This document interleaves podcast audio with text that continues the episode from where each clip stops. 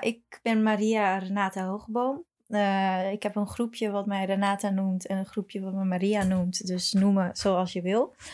Um, ik ben 25 jaar. Ik woon nu in Amsterdam, maar ik ben geboren in uh, São Luís de Montebellos in Brazil. Uh, ik heb familie in Brazilië, ik heb familie in Nederland. Dus ik ben ja, een Nederlandse Braziliaanse vrouw. Zo identificeer ik mij altijd. Voel mij niet heel erg Nederlands, ik voel me ook niet heel erg Braziliaans. Ik voel me eigenlijk wel een mix van, uh, van allebei. Ja, dat ben ik. je, je zou zeggen dat Nederland heel tolerant is. En dat natuurlijk ook Amsterdam, dat was vroeger ook de gay capital van Nederland. Alleen de laatste tijd zijn er heel veel uh, gevallen voorgekomen van uh, mensen die te maken hebben gehad met homogeweld. Um, dat is meestal gebeurd op een klaarlichte dag. Um, natuurlijk uh, kan je zeggen dat het, dat, dat het door een aanleiding gekomen is, maar vaak liepen die stelletjes gewoon naar huis. Of zaten ze gewoon op een scooter, of waren ze gewoon onderweg naar iets. En toen zijn ze gewoon lastiggevallen door een groep, ja, vaak jongere mensen die hun ja, gewoon lastig hebben gevallen, die hun hebben geslagen, in elkaar hebben geslagen ook. En ja, dat is wel heftig dat dat gebeurt, omdat natuurlijk Amsterdam, mensen denken vaak dat het een hele ruimdenkende stad is. Um, op sommige opvlakken is dat ook. Alleen ik vind dat de homo-acceptatie de laatste tijd minder is geworden, helaas. En uh, wat ik ook heel apart vind, is dat bijvoorbeeld de Gay Pride wordt elk jaar groter en meer mensen komen uit heel Nederland. Terwijl uh, homogeweld eigenlijk met toename stijgt. En daar maak ik me wel een beetje zorgen over.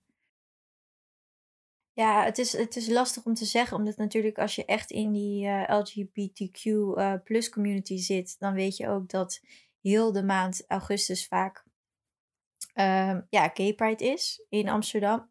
Dus verschillende evenementen worden georganiseerd in de stad. Er zijn lezingen, er zijn uh, ja, gast, gastlectures. Uh, eigenlijk alles wat je kan doen in de stad is aanwezig. Wat te maken heeft met, uh, met onze gemeenschap. Alleen de dag zelf, dus de Kennel Pride, dat is dus de, de dag waar ik het over heb. En dat is vaak de laatste dag van, van de Pride, een van de laatste dagen van Pride. Daar komen heel veel mensen op af. Um, en dat wordt een soort gezien als Koningsdag 2.0, waar allemaal mensen vanuit heel Nederland naartoe komen, omdat ze denken wij kunnen ons kleden als, als, als weet ik veel hoe wij ja, eigenlijk ook afkeuren. Dus bijvoorbeeld wij kunnen een rok aandoen terwijl wij het raar vinden als een man een rok draagt. Maar we doen het vandaag omdat het gay pride is. En dan gaan ze feesten en dan gaan ze drinken en dan komen ze terug thuis. En dan hebben ze eigenlijk net diezelfde acceptatie als wat ze voorheen hadden. Um, en dat vind ik heel jammer. Ja. Het, het, het echt het, het vieren van, van jezelf en, en het zijn van jezelf, dat, dat wordt een soort vervangen door commerciële bedrijven die uh, geld steken in, in de boten en die gaan langs. Dus als jij kijkt naar bijvoorbeeld uh, de Gay Pride heeft dan wel organisaties die zich inzetten voor de LGBTQ plus community. Um, die dan bijvoorbeeld zo'n boot kunnen krijgen. Alleen dat is dan heel lastig met het, ja, het aanmelden daarvoor. Vaak staan er wachtrijen van twee, drie jaar. Uh, maar dan heel apart als iemand besluit, grote, grote bedrijven besluiten van hé, hey, laten wij even een boot uh, doen dit jaar voor Gay Pride. Dan hebben ze binnen een week hebben ze eigenlijk die goedkeuring dat ze, dat ze op die boot mogen.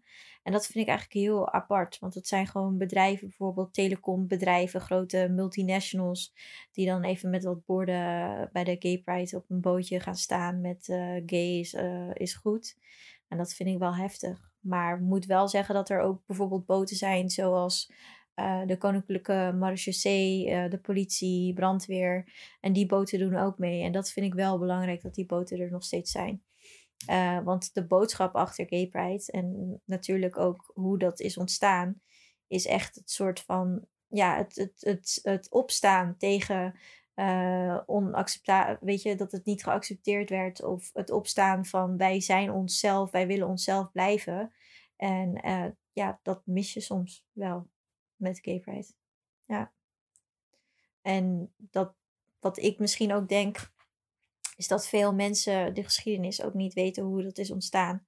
Waarom het belangrijk is. En ik vind dat dat herhaald moet worden. Dus dat meerdere mensen weten wat echt de betekenis is van Gay Pride. nou ja, uh, Antwerpen Pride voor mij, het was een van de eerste evenementen die ik heb meegemaakt. Ik heb twee jaar in Antwerpen gewoond en uh, dat was de eerste maand dat ik uh, in Antwerpen woonde.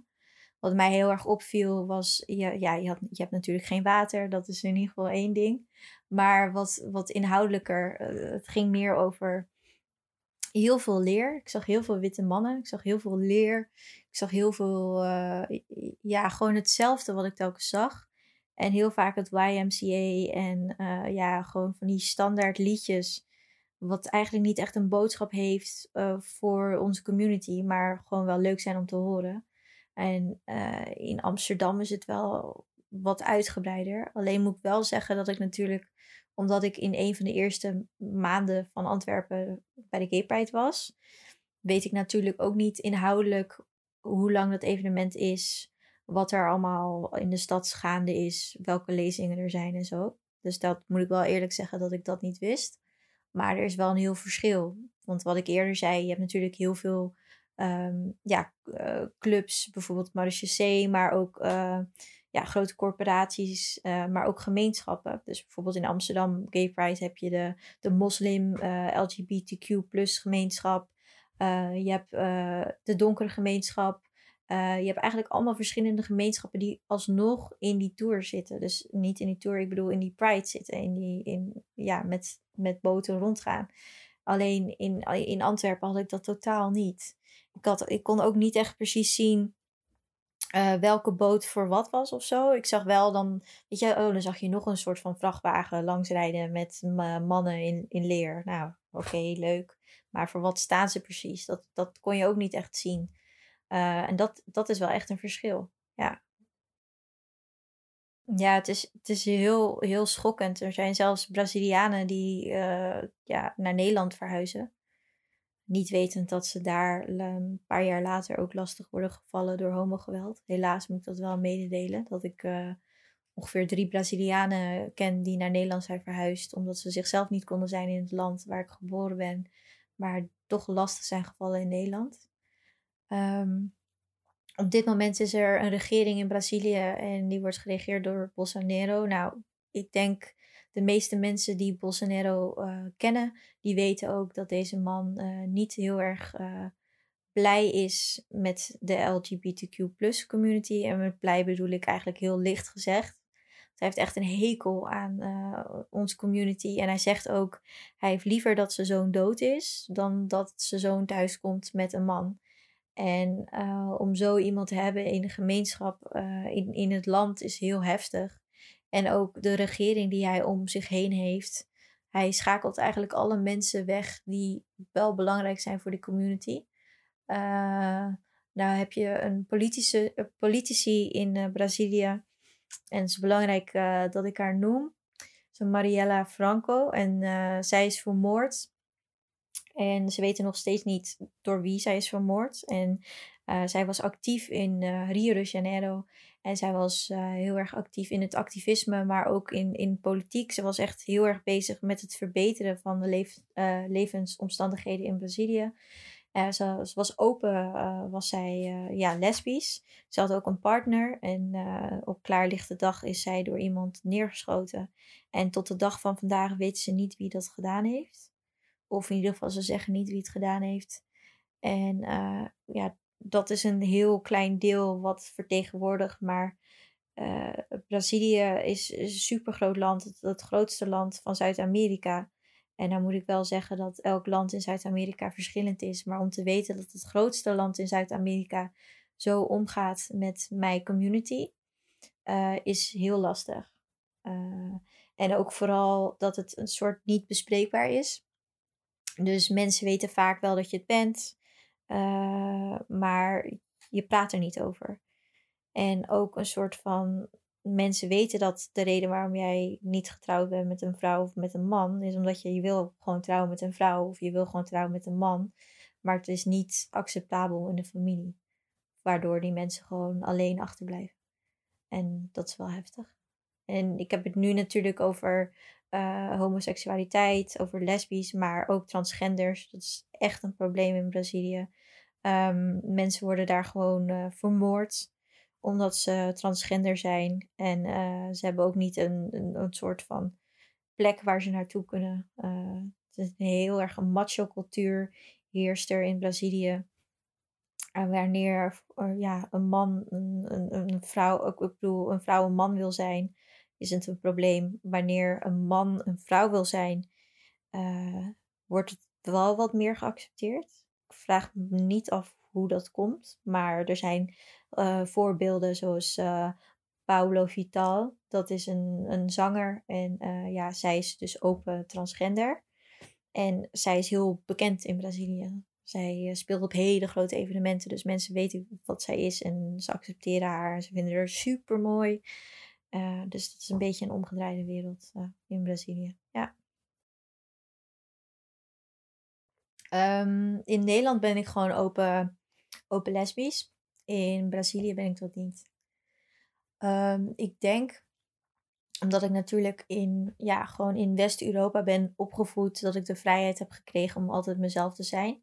Dus uh, daar heb ik nooit echt problemen mee gehad. Natuurlijk, net als iedereen in het begin is het moeilijk om uit te komen voor wie je daadwerkelijk bent. Um, maar in Brazilië, ja, het is, het is toch anders. Het is heel erg uh, ja, man-vrouw cultuur. Uh, je krijgt heel snel kinderen, dus dat is ook wat wat verwacht wordt. Uh, vaak worden vrouwen die bijvoorbeeld ouder zijn dan 25 en ze zijn nog niet getrouwd. Dat vinden ze raar in Brazilië. Dus ik heb er zelf voor gekozen om er niet open voor uit te komen voor mijn familie in Brazilië. Het is wel dat als ik in Brazilië ben en iemand vraagt het aan mij, en dat is dan niet familie, dan ben ik daar gewoon eerlijk over. Dan vertel ik dat gewoon en dan laat ik het alleen voor familie. Zeker omdat ik, moet ik wel zeggen, omdat ik niet zo'n goede band heb met mijn familie in Brazilië dan met mijn familie in Nederland, dat ik het niet zeg. Ik denk misschien dat het wel verandert wanneer de band sterker is en wanneer je elkaar echt goed weet te kennen, dat het misschien wel gezegd wordt. Maar ja, dat weet ik niet ik denk iedereen die donker is, die uh, in, in een wereld is opgegroeid waar de meerderheid uh, wit is, dus ja, West-Europa, maar ook gewoon andere plekken in de wereld, altijd mee bezig is geweest. En misschien juist nu nog meer dan normaal, maar nu is het echt gewoon, mensen zeggen ook, wat vind jij ervan? Zulke vragen vind ik verschrikkelijk, omdat ze weten dat ik donker ben. Dus dan vragen ze mij, wat vind jij ervan? Alsof zeg maar ze per se willen dat ik daar een, een, mening over. Tuurlijk heb ik er een mening over. Alleen het is niet altijd waard om jouw mening te delen met mensen die gewoon zo intolerant zijn. Die eigenlijk gewoon willen dat jij iets zegt en dat, dat hun dan hun eigen ding zeggen. Dat is het een beetje. Dus uh, wat ik bedoel te zeggen is, hun willen, hun vragen, wat vind jij ervan? En dan zeg je iets. En dan zeggen hun bijvoorbeeld ja, maar ik vind of ja, want ik wil dit zeggen. En dat is prima, maar je moet open conversaties hebben over dit onderwerp, want anders wordt het nooit beter. En ik vind ook bijvoorbeeld wat heel vaag is. Ehm, ik weet niet of meerdere mensen eh, dit hebben. Maar als jij op Tinder zit en ik bedoel, je hebt gewoon foto's van jezelf, je bent donker. Um, dat mensen al vragen meteen: uh, wat is je afkomst? Waar kom jij vandaan? En dan zeg je ja, ik kom uit Amsterdam. En dan zeggen ze ja, maar waar kom je echt vandaan? Dat zijn ook weer, weet je, toevallig kom ik niet uit Amsterdam, ik kom uit Brazilië. Maar het kan ook zelfs goed zijn dat mijn oma ooit uit Brazilië naar Nederland is gekomen en dat ik nu al de derde generatie ben die in Amsterdam is opgegroeid. En dat is een beetje een stukje wat ook in mijn community een beetje mist, die LGBTQ plus community. Is ik mis een soort van die diversiteit in die community. Omdat heel veel mensen die zijn natuurlijk, weet je, all the gays together, all everyone together. Maar in die Black Lives Movement, wat ook belangrijk is, is de transgender movement in de Black Lives Matter movement. Is ook in Amerika, er worden zoveel donkere transgenders worden vermoord. En zonder dat bijvoorbeeld mensen daar echt weet op hebben. Of dat het in het nieuws komt, of dat mensen worden berecht. En ja, weet je, uh, donkere, donkere mensen zijn al in de meerderheid. En ook met uh, wat er nu allemaal gaan is met de, uh, ja, de, de, de, Black Lives Matter movement. Het is gewoon echt schrikbarend of zo. Ik bedoel, dan ben ik een soort van. Ik voel me dan altijd een soort van. Ja, toch een van de betere mensen die eraf zijn gekomen. Omdat, dat klinkt heel lullig, maar ik ben, ik ben donker. Ik ben trots dat ik donker ben. Ik heb een afro. Ik draag hem graag. Uh, ik heb een Nederlandse achternaam.